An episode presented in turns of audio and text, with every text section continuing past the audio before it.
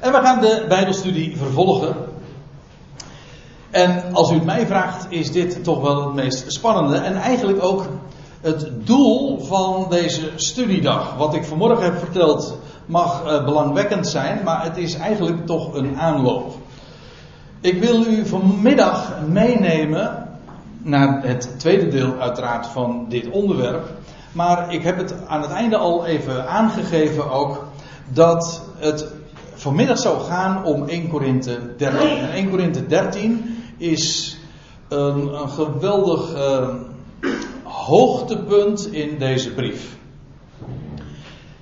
Ik vertelde eerder al dat er in Korinthe er nogal wat vragen waren. Er was onkunde, Paulus noemt dat ook op die manier, over die geestesuitingen, zoals dat dan genoemd wordt. Over het spreken in tongen, over profeteren, dat was daar in hoog aanzien. Maar Paulus laat zien in hoofdstuk 12, hoofdstuk 14, dat die gaven, maar die uitingen waar zij zo hoog over opgaven, dat die in werkelijkheid het minste waren. Hij zet ze ook in die rangorde. Als u die laatste versen van 1 Korinthe 12 dan leest, dan, dan, dan proef je ook, nee, proef je niet alleen, Paulus geeft het ook letterlijk zo aan, dan plaatst hij in dat rijtje van al die uitingen, de, dat spreken in talen, dat, dat wonderbaarlijk spreken in tongen, maak, ik maak er geen verschil in, plaatste hij onderaan. Dat waar zij zo hoog over opgaven, blijkt in werkelijkheid het minste aan waarde en ook aan stichtende waarde te hebben. Dat geldt trouwens ook voor profiteren.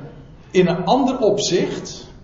Maar wat hij in 1 Korinthe 13 doet, en we hebben dat aan het einde van de laatste, van de eerste bijeenkomst eh, gezien, dat hij een veel hogere weg wijst. Er was onkunde rond die uitingen, die, vooral die sensationele dingen, die dus nu in de charismatische wereld, in de christelijke charismatische wereld, dus ook weer enorm uh, onder de aandacht uh, ziet komen. En onder de aandacht worden gebracht van spreken in tongen, openbaringen, zogenaamde profetieën, genezingen. Al die dingen die worden enorm opgehemeld. En terwijl Paulus juist op zijn plaats zet. En dat is wat hij doet in 1 Korinthe 13. In 1 Korinthe 13 wijst hij een weg die veel hoger voert. En dat is wat we zagen aan het einde van 1 Korinthe 12. Ik wijs u een weg die veel hoger voert. En dan gaat hij spreken over de liefde. Agape is het Griekse woord. Dat is goddelijke liefde. En het is een paar maanden geleden. Ik, dat ik daar ook over heb gesproken, maar dat was een heel andere gelegenheid. Dat was bij een bruiloft van uh, mijn schoonzus en zwager.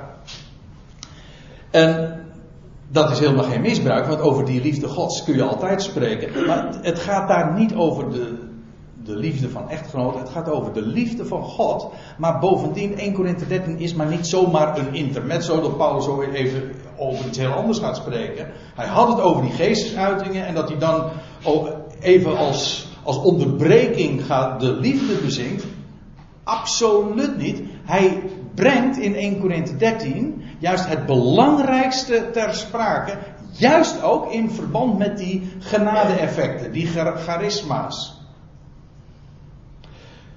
En die eerste zeven versen van 1 Korinthe 13 spreekt Paulus, bezingt hij de liefde van God. Geen menselijke liefde, geen filio, maar agape. Agape is werkelijk liefde. Ja, liefde is dat. Maar het is goddelijke liefde. Liefde die geen voorwaarden kent. En daar, nou, het is een schitterende beschrijving. Ik ga eraan vooraf, ik ga eraan voorbij. Ik haak pas in in vers 8. Want aan die vers hebben wij onze handen vol voor deze middagsamenkomst. Hij zegt in vers 8. De liefde vergaat nimmer meer. In, de, in Engelse vertalingen ben ik tegengekomen, de, deze liefde faalt nooit. Is, valt nooit, maar het betekent ook faalt nooit. Maar dat betekent in de praktijk ook, inderdaad, ze gaat nooit voorbij. Daar komt geen einde aan. Hou hem even vast, want aan het einde van ditzelfde hoofdstuk zal dat nog een rol spelen. Maar het, ja, ik wil, wil er alleen eventjes op wijzen. Ze valt niet, ze faalt niet. Ze zal altijd haar doel bereiken. Dat is ook een kenmerk van de liefde Gods. Het is niet alleen maar een intentie, maar Gods liefde bereikt ook dat wat het voor ogen heeft. Terwijl ik dat zeg, moet ik denken aan dat bekende lied. Wat zijn liefde wil bewerken, ontzegt hem zijn vermogen nee, niet. Die liefde faalt dus ook niet. De liefde is never falling. Er is faalt niet, maar vergaat ook nimmer. Maar profetieën, nou, kom, nou komen we op, een, op het terrein waar we het over hadden, hè, die in verband met die genade-effecten, charisma, zo'n grote rol speelt. Paulus schrijft, profetieën, zij zullen afgedaan hebben. Profetieën, dat is letterlijk de godswoorden spreken. In het Hebreeuws is het woord profeet een, uh, een mond gods. Iemand die de woorden gods doorgeeft. Dat gebeurde in die dagen ook alom. En daar waren apostelen, waren profeten. Apostelen waren sowieso de mensen die de Heer had uitgekozen, aangesteld, gevolmachtigd om zijn woord door te geven. Maar er waren ook profeten. Apostelen waren dikwijls ook profeten. Want als je even het woord gewoon terugbrengt naar zijn oorspronkelijke betekenis. Een apostel is iemand die is gevolmachtigd. Een profeet is iemand die de woorden God spreekt. Maar waarom zouden die twee niet in één kunnen vallen? Integen, sterker nog, apostelen. Je kunt zelfs zeggen apostelen, namelijk profeten. Het hoeft niet per se samen te vallen. Het zijn meer twee functies. Het is niet twee typen personages, als u begrijpt wat ik bedoel. Maar toen werden er woorden Gods gesproken. De woorden Gods waren nog niet al opgetekend. Die profetieën, zij zullen, zegt Paulus hier, die zullen afgedaan hebben. Dus hij schrijft aan die Corinthiërs, nu in jullie samenkomsten zijn er mensen die opstaan en die hebben een woord van kennis, een woord van profetie. Een profetie dus. Hij zegt maar, wees er op bedacht, die zullen straks afgedaan hebben.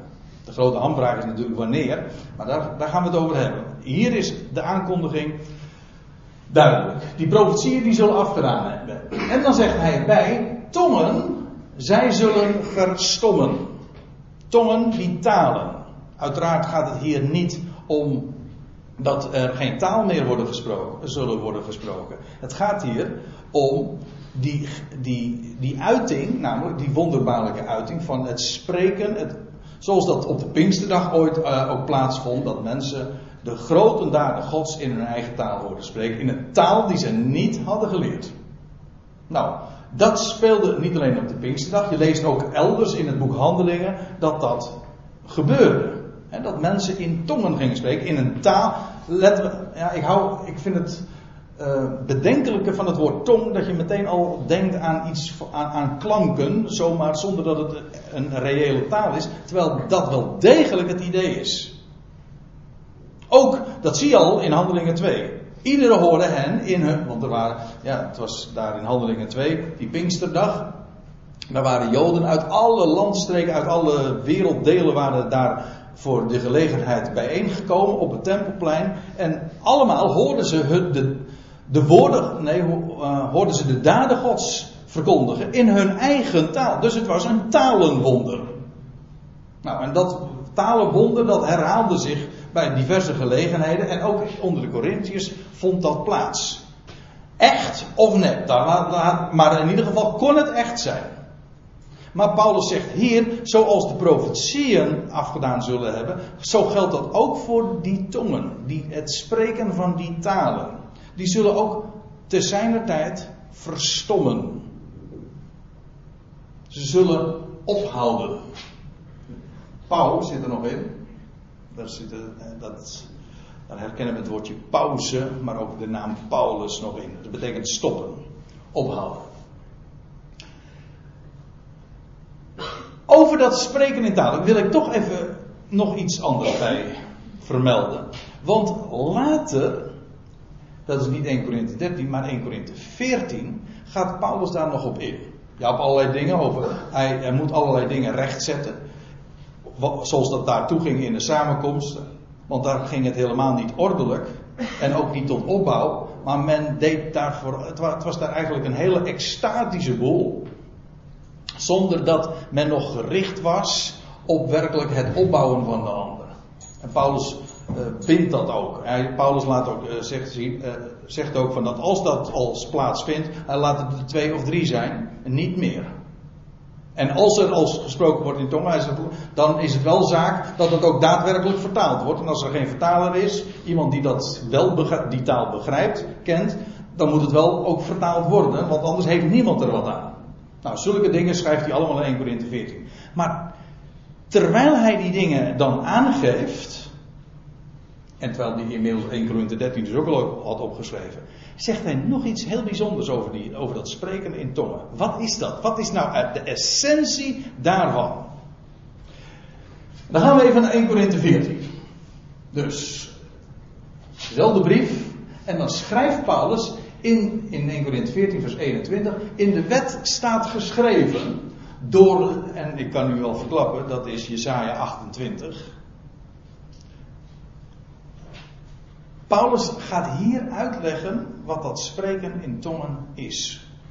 Hij, in de wet staat geschreven door lieden van een andere taal, waaruit trouwens ook alweer blijkt dat het inderdaad om werkelijk bestaande talen ging. Door lieden van een andere taal, oftewel door uh, lieden die geen Hebreeuws spreken. Ja, Jesaja die profeteerde tot het Joodse volk, tot het volk van Israël. En die spraken Hebreeuws. Maar, zegt Paulus, eh, of uh, wordt uh, hier geciteerd, Jesaja profeteerde al van Gods wegen door lieden van een andere taal, niet Hebreeuws dus, en door lip, lippen van vreemden, dat wil zeggen door mensen van, door buitenlanders dus, door buitenlandse talen, zal ik, de tot dit volk spreken, Israël. En toch zullen zij naar mij niet luisteren, zegt de Heer. Het staat allemaal al opgetekend in Jesaja 28.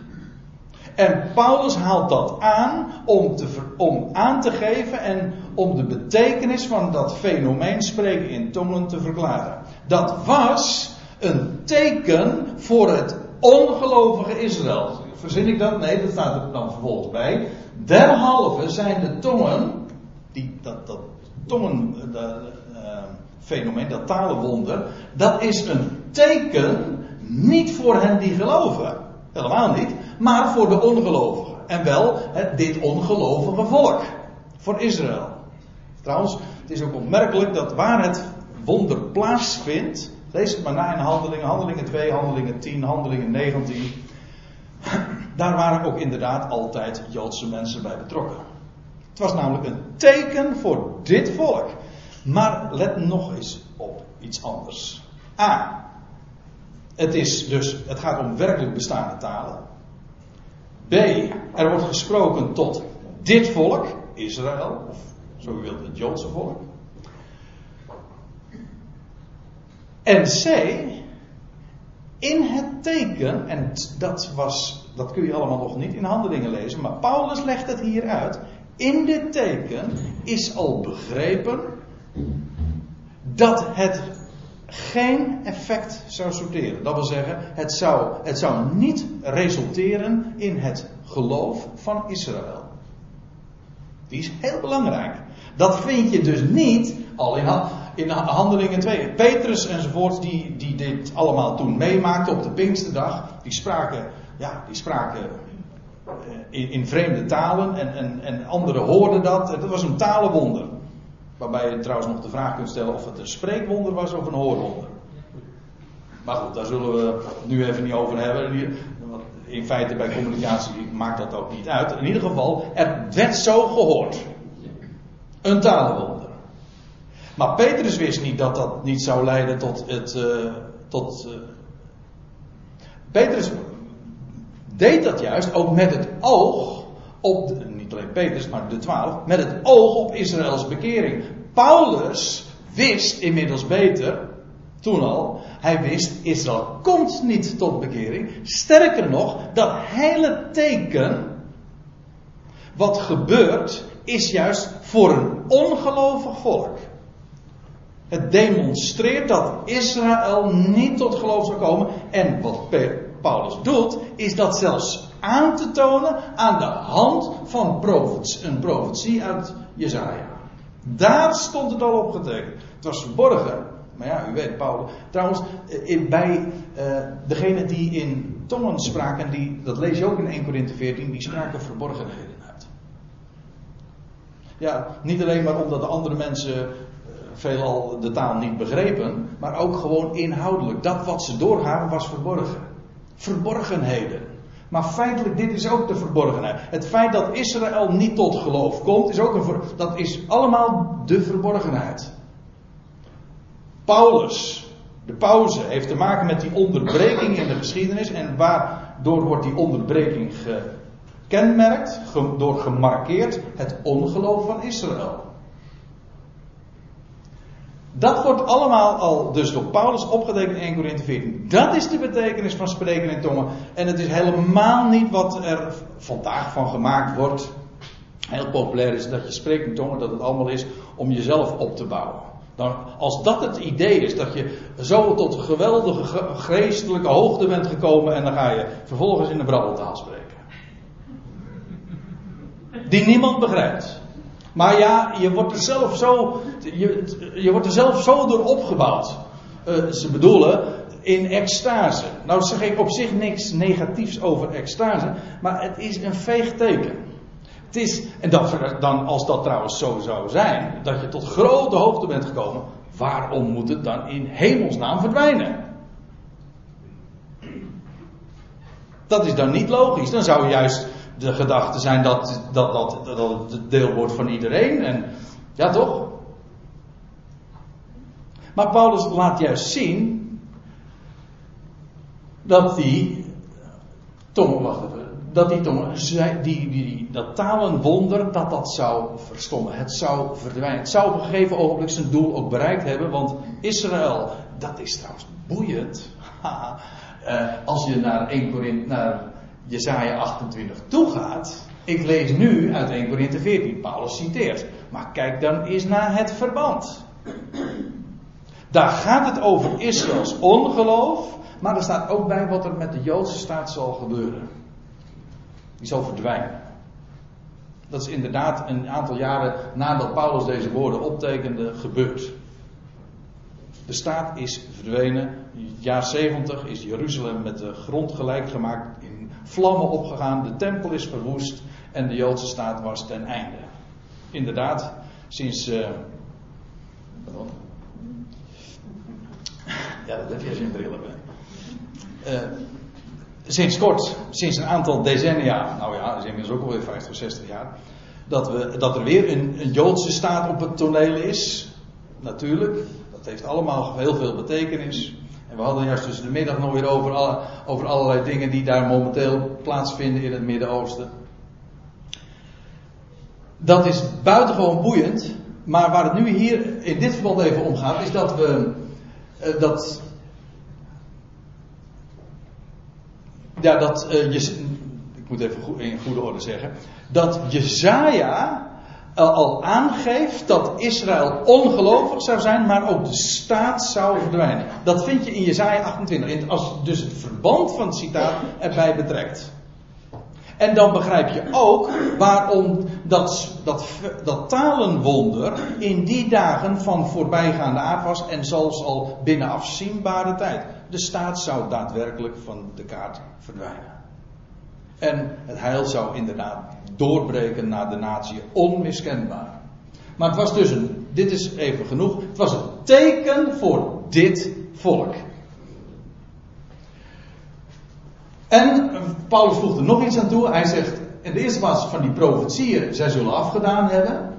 Tongen, zij zullen verstommen. En kennis, zij zal afgedaan hebben. Dat betekent niet meer dat er dan eh, Uiteraard, dat hetzelfde als, als in verband met die talen, dat er geen, geen talen meer gesproken worden, betekent ook niet dat er geen kennis meer zal zijn, maar die woorden van kennis die er doorgegeven werden, die openbaringen. Iemand viel een openbaring te deel waardoor hij iets bekend maakte. Van, van hoger hand.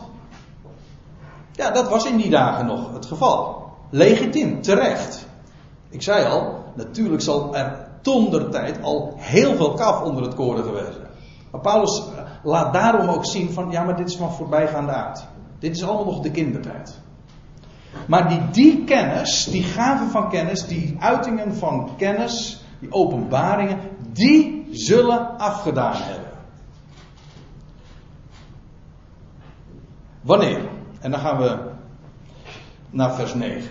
Nou, voordat we daar antwoord op hebben, moet, zegt Paulus nog eens iets over dat kennen en dat profiteren. Want, zegt hij, onvolkomen is ons kennen en onvolkomen ons profiteren.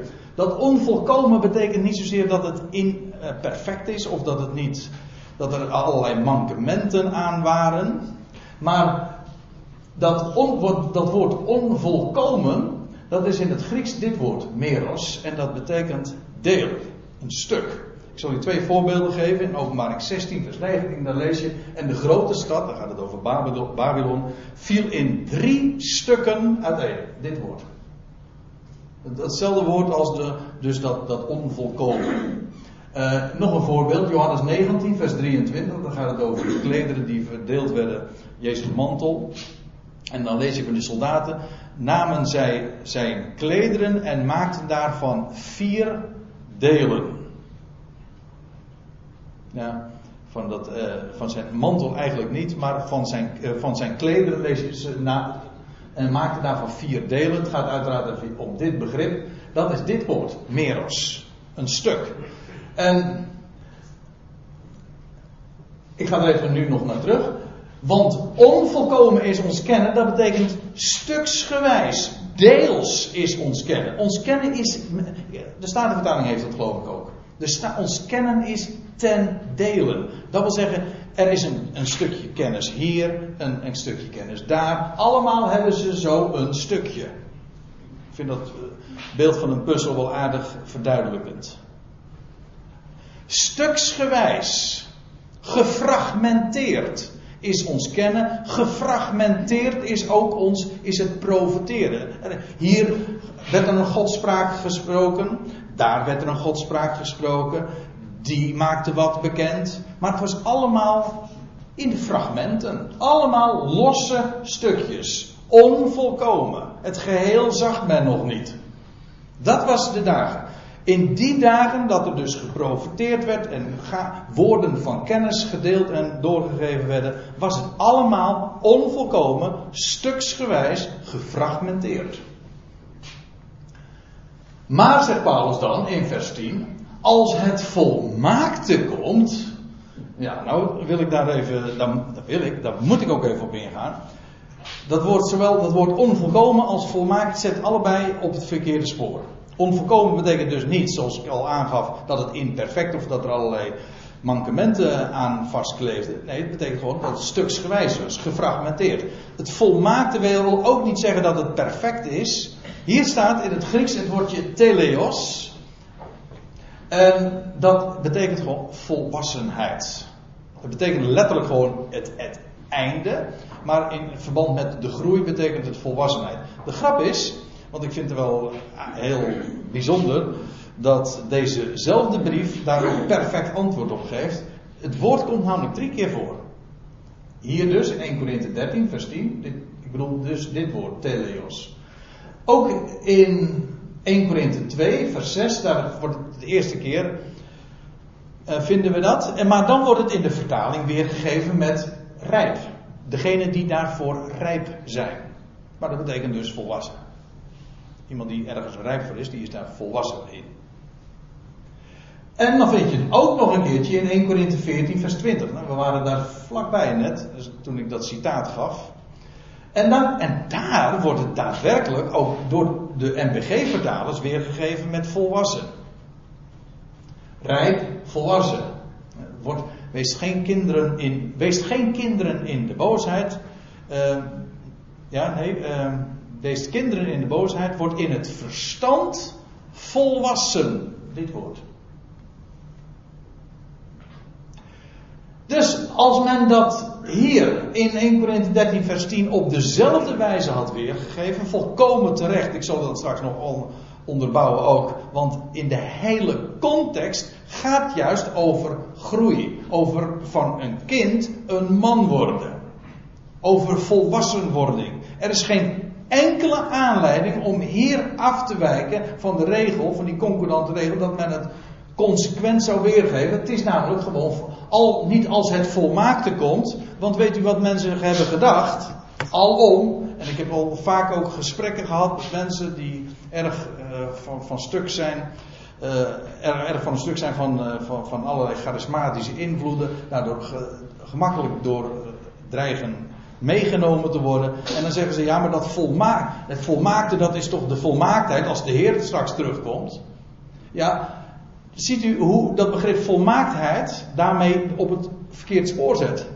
Het is namelijk geen volmaaktheid, het is de volwassenheid. Is heel anders. Als de volwassenheid komt, staat er, want zo hou ik hem vast, dus niet het volmaakte, maar de volwassenheid komt, dan zal het onvolkomene afgedaan hebben. En hier zie je weer datzelfde woord, dat waar ik het al eerder over had, die dat onvolkomen, dat stuksgewijze heeft dan afgedaan. Zodat er daar dus de tegenstelling ontstaat aan de ene kant van de volwassenheid en aan de andere kant het ten delen uh, ja, alles wat ten dele is, het stuksgewijze, het gefragmenteerd. Dat wat zo gefragmenteerd was in die dagen nog, namelijk het kennen, het profiteren, dat zal dan afgedaan hebben, wanneer namelijk, wel, wanneer de volwassenheid zal zijn gekomen. Dus, als het geheel er is, niet meer gefragmenteerd, maar als het geheel, als de, de kennis en de profetie, als de profetie voltooid is, als God al zijn woorden heeft gegeven, als alles wat te weten is, wat hij bekend wil maken, als dat bekend gemaakt zal zijn, dan is dat, dan is het onvolkomene, heeft dan afgedaan. Het is, ook, het is bekend gemaakt, het is bovendien geboekstaafd, het is bij elkaar gebracht. De schriften zijn compleet. En we hebben het bij een andere gelegenheid uh, vrij uitgebreid, zoals een keertje een studiedag zelfs geweest, over gehad hoe de apostelen en dan met name ook de apostel Paulus aan het einde van zijn leven inderdaad de geschriften bij elkaar gebracht heeft. En aan Timotheus als een testament heeft meegegeven. Dat is het woord. De schriften. Compleet. Al de schrift, zegt Paulus dan tegen Timotheus. Elke schrift is van God geïnspireerd. Van God geblazen. Dat is geest. Dat is kracht. Mensen denken dat uh, geest, hè, bij geest denken ze aan, aan allerlei uitingen, aan emotie, maar echte geest, kracht, vreugde, werkelijke power vind je in wat staat geschreven, in het volwassene, dat wat compleet is. Daarom zijn, die volwassenheid is al jaren geleden, eeuwen geleden, ik kan bijna zeggen bijna 2000 jaar geleden, al begonnen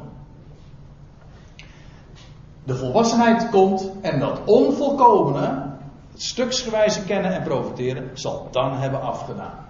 En dan zegt Paulus in vers 11.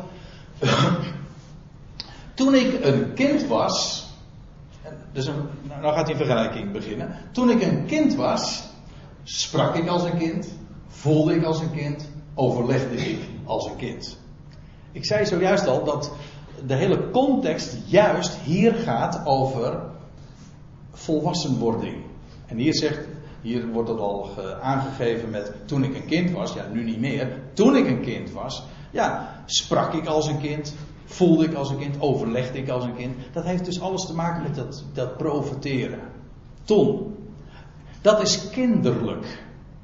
Zoals het toen nog was, dat was de kinderlijke fase. Men wist nog niet alles, zoals dat een kind ook nog niet alles weet. Dan, dan ben je nog onbekend met tal van dingen. Dan spreek je ook als een kind, maak je fouten. En, Dat is allemaal geen. Kijk, begrijp me goed. Er is niets mis met die kinderlijke fase. We zijn allemaal kind geweest. En als je kind bent, dan spreek je als een kind. Dan voel je ook de kind. Beleef je de dingen ook als een kind. En dan praat je en overleg. Letterlijk staat hier. Reken, reken ik als een kind. Geen punt. De bedoeling is alleen wel dat je tot volwassenheid komt. En Paulus geeft aan dat die dingen waar zij er zo hoog over opgaven, profetie, woorden van kennis, het gaat voorbij. Het hoort bij de kinderfase. Het is het spreken en overleg als een kind. Prima, maar de volwassenheid komt. En dan zal dat stuksgewijze, dat gefragmenteerde, ton der tijd afgedaan hebben. Nu ik een man ben geworden, ja, waarom dat plaatje? Kijk, een kind die doet zulke dingen. Hè, en een volwassen man die overlegt als een, uh, als een man, die gedraagt zich als een man. Tenminste, dat mag je aannemen dan. Hè.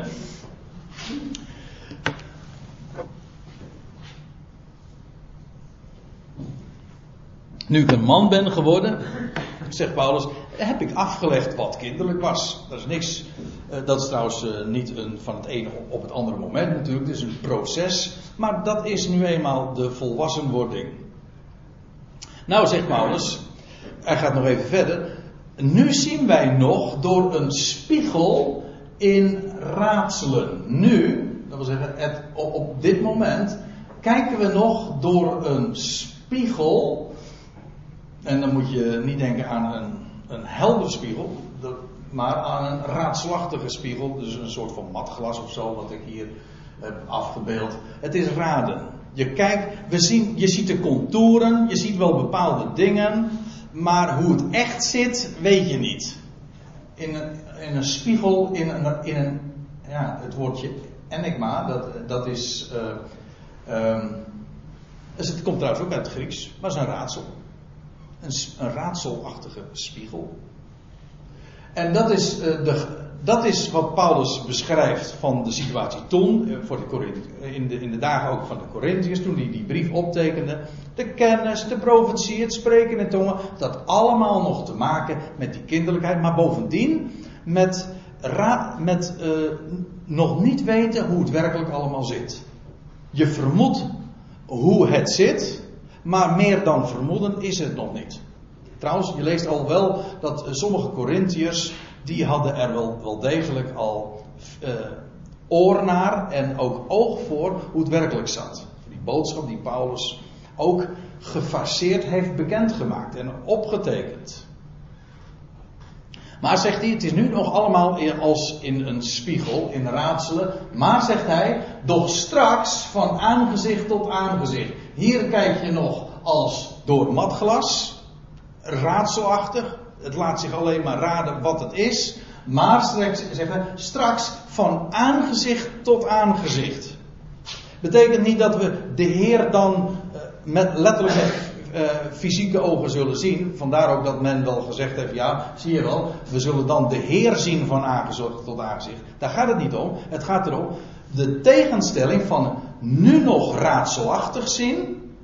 En straks van aangezicht tot aangezicht. Direct. Zonder dat er uh, nog iets tussen zit.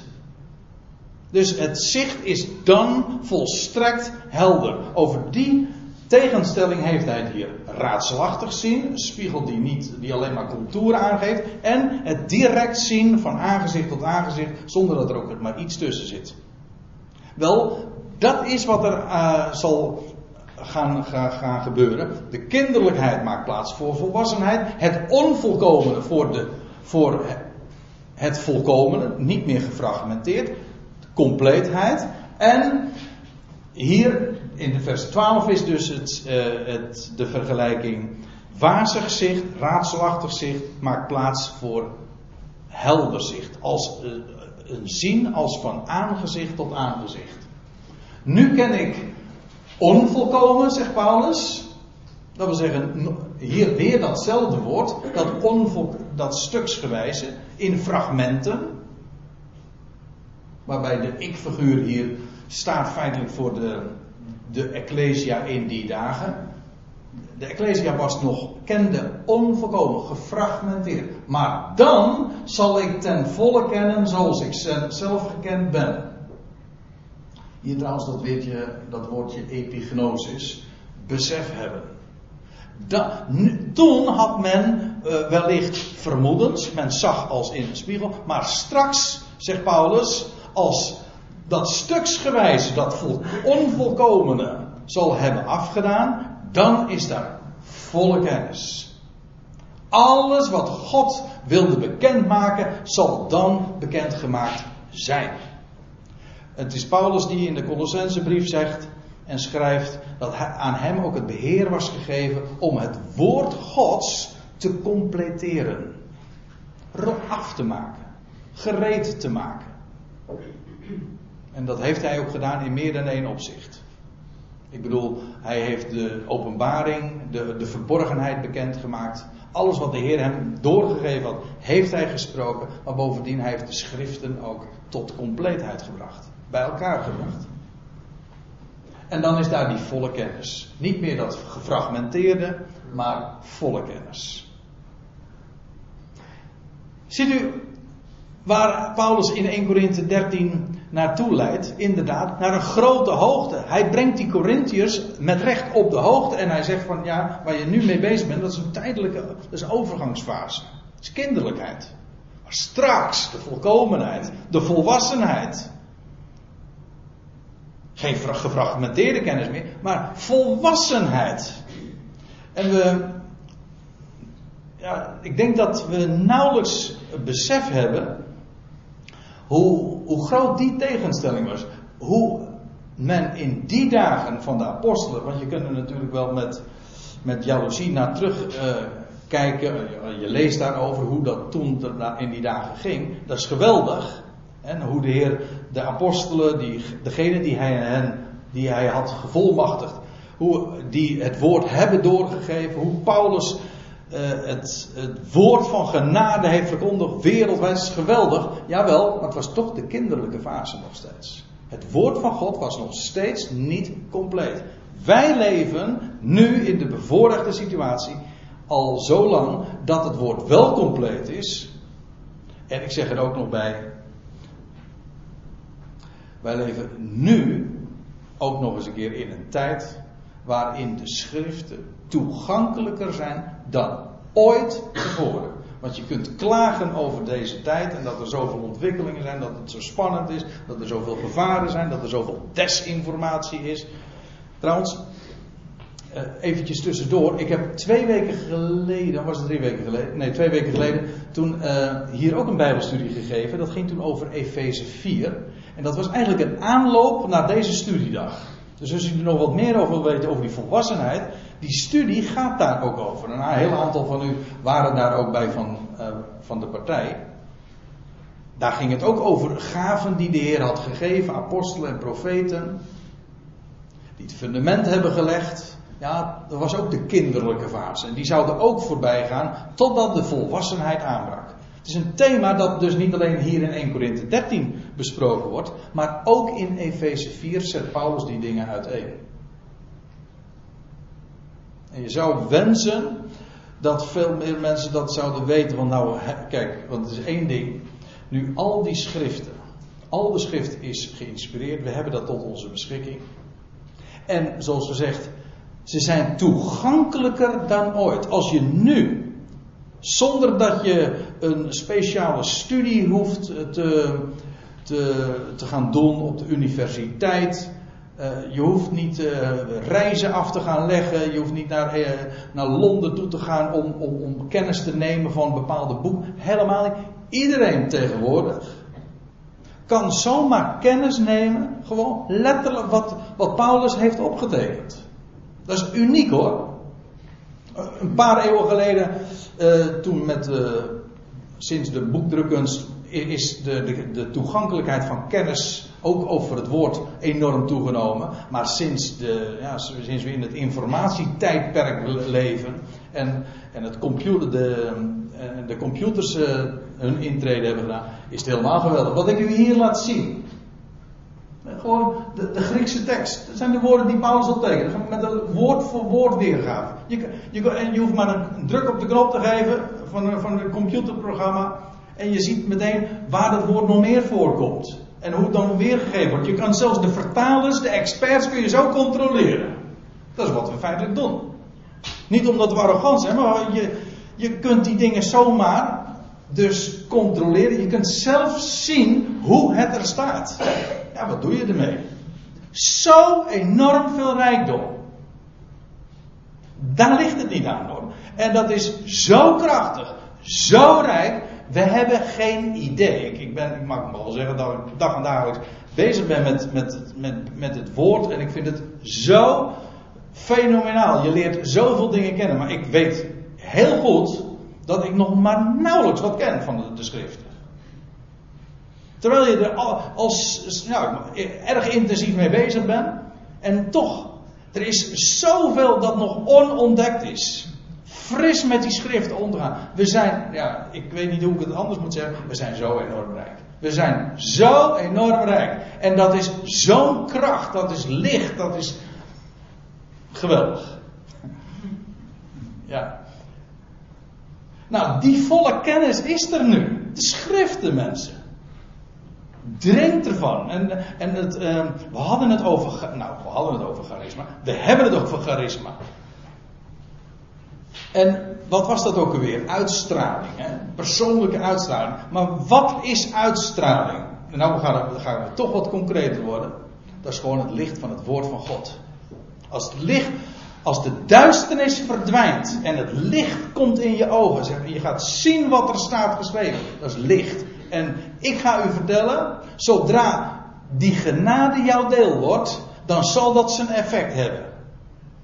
Oftewel, charisma.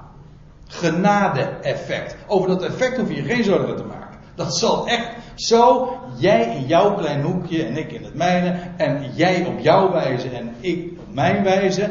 Maar dat die genade heeft zijn effect. En hoe meer je van die genade leert kennen, hoe meer effect. Dat is charisma. Dat is geen wetmatigheid, dus wordt niet opgedrongen. Dat is genade. Dat is vreugde, maar het is ook licht. Ja, vandaar dan ook de, inderdaad uitstraling. Nou begrijpen we dat woord toch wel beter, hè? Uitstraling. Maar goed, ik uh, ga weer even terug naar 1 Corinthië 12. Uh, vers 12, ja. Dus dat onvolkomen, dat stuksgewijze, dat gefragmenteerde zal plaatsmaken voor volle kennis. Nou, en nou komen we bij de conclusie van Paulus. Zo blijven dan geloof, hoop en liefde. Dus, hoezo zo blijven dan? Nou, hij zet dus een tegenstelling. Is, is het laatste vers van 1 Corinthië 13. Hij maakt een tegenstelling tussen dat wat hij besproken had, dat wat afgedaan zal hebben, wat zal verstommen, en hij gaat nu vertellen wat blijft. Wat niet van voorbijgaande aard is. En wat is dat dan? Zo blijven dan geloof, hoop of verwachting. Voor beide woorden is wat te zeggen. Hoop drukt vooral uit dat het geweldig is waar je naar uitziet. En verwachting drukt vooral de zekerheid uit. Je verwacht het, je weet dat het gaat komen. Geloof, hoop en liefde, die blijven. Waarbij je trouwens ook weer ziet dat Paulus het hier niet heeft over de volmaaktheid of zo, die straks zal komen als de Heer teruggekeerd zal zijn. Want ik kan u verklappen, dan is er geen geloof en ook geen hoop meer. Dus als hij zegt zo blijven dan, dan doelt hij niet op van ja, als zelfs als dan de Heer teruggekomen zal zijn, dan zal geloof en hoop blijven. Dat kunt u wel vergeten, want van aan de ene kant lees je in Romeinen 8, vers 24 over de hoop. Want, zegt Paulus, in die hoop, die verwachting, zijn wij behouden, zijn wij gered. Maar, zegt hij, hoop die gezien wordt, is geen hoop. Want hoe zal men hopen op het gegeven moment ziet? Hoop heeft altijd te maken met de toekomst. Dus iets met wat je nog niet ziet. Dat betekent dus dat op het moment dat de hoop werkelijkheid wordt, dan verdwijnt de hoop. Hoop heeft dus te maken met wat je niet ziet. Dat geldt voor geloof ook, want Paulus schrijft, dat is elders in 2 Korinthe 5 vers 7. Hij zegt, wij wandelen in geloof. Niet in aanschouwen. Nee, natuurlijk. Wij wandelen nu ook in geloof. Of wij vertrouwen de schriften. We vertrouwen, vertrouwen zijn woord. We zien nog niks. Van die hoop sowieso niet. Maar ook de Heer zelf. Hè, wij verblijden ons in Hem. Zonder Hem, eh, zegt Petrus. Zonder Hem gezien te hebben. Die dingen. Ja, oké. we zien wel een aantal dingen nu zich gaan aftekenen. Zo, de, de, in dit tijdsgewricht. Dat is waar. Verblijden we ons ook over. Wij, zijn, wij, maken ons geen zorgen over de ontwikkelingen die er nu zijn. In de christelijke wereld of in de politieke wereld. Integendeel, wij verblijden ons juist dat het allemaal gaat naar zijn woord. Dat is toch geweldig? Dat je ziet van ja, de termijn is nu aan het verstrijken. De twee millennia lopen ten einde. En dus mag je, had je dit mogen verwachten. Het gaat perfect volgens zijn woord. Goed, maar wij wandelen nog steeds niettemin in geloof. Dat wil zeggen, niet in aanschouwen. Dus, als Paulus schrijft, zo blijven dan geloof, hoop en liefde, dan doelt hij uitdrukkelijk niet op wanneer de Heer zal zijn gekomen, want dan zijn, is er geen geloof en geen hoop meer. Zodat die andere dingen, dat weet je dan ook, die zouden afgedaan hebben, al veel eerder afgedaan zouden hebben en, eh, en verstomd zouden zijn. Zodat je zelfs als je, nou zelfs, zoals je dat gedeelte in 1 Korinthe 13 nauwkeurig, gewoon aandachtig, gelovig leest, zoals Paulus het aandient, dan, dan weet je al, hij heeft het over een fase die zou aanbreken op aarde als de kennis compleet zou zijn, de profetieën niet meer uitgesproken hoeven worden omdat Gods woord compleet is, afgerond zal zijn, wel, dan is de volwassenheid aangebroken en dan, tijdens die volwassenheid op aarde, dan zal blijven geloof, hoop en liefde.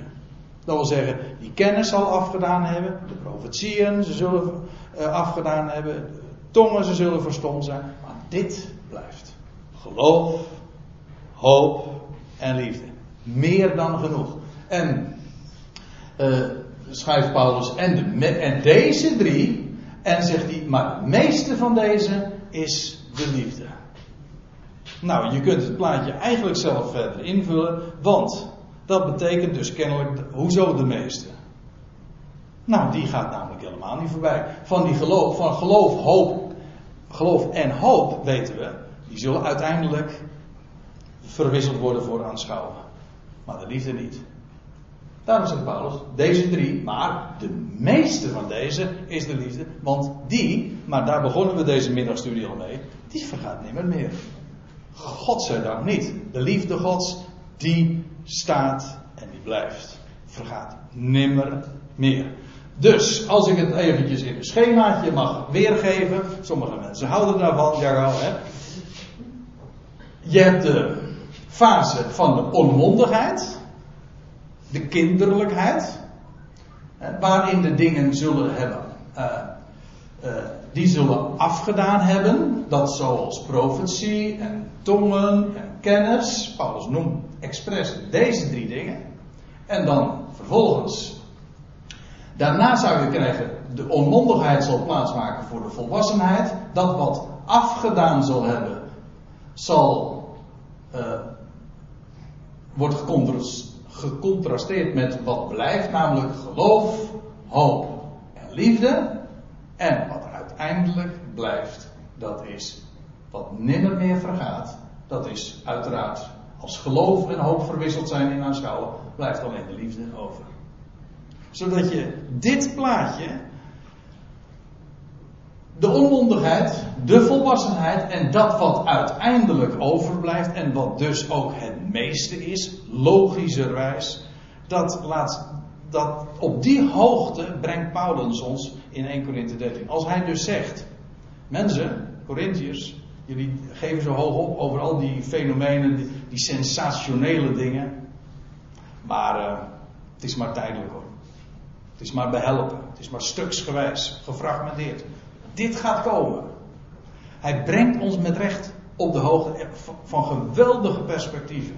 En dan zie je dus, als we het dan toch nog eventjes over die charismatische beweging hebben, feitelijk is die charismatische beweging zeer conservatief. Dat wil zeggen, men conserveert dat wat al lang over de datum is.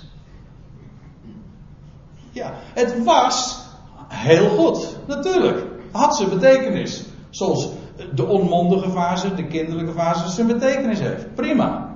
Maar inmiddels, mensen, sinds de schriften compleet zijn, is het enige wat overweven is, nou ja, het enige, dat is meer dan genoeg. Geloof, hoop en liefde. Dit is de werkelijkheid. En als nu, als je nu dus dit fenomeen ziet, men geeft, men geeft weer woorden gods door, zegt men. Men spreekt in tongen, zegt men.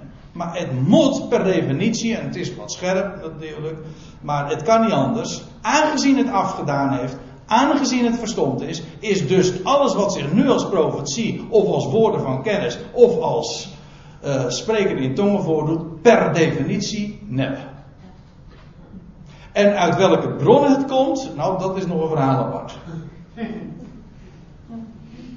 Dat kan uh, ik, mensen zeggen dan, of er, zijn er die meteen zeggen, oh dat moet dan demonisch zijn. Dat hoeft helemaal niet. Dat kan ook gewoon puur uit de mens zelf voortkomen. Maar de beweging al zodanig is niet naar de schrift. Is, dat is, lijkt mij meer dan genoeg. En uit welke bron het naar voren komt, dat uh, lijkt mij veel minder interessant. Dit is de wijze zoals de schrift dat naar. Naar voren brengt. En ik moet u zeggen, ik vind het zo geweldig dat we inderdaad mogen leven als volwassenen bij de schrift. En dat we onderwijl uitkijken naar dit moment dat geloof en hoop zullen worden verwisseld in aanschouwen. Zullen we daarbij laten?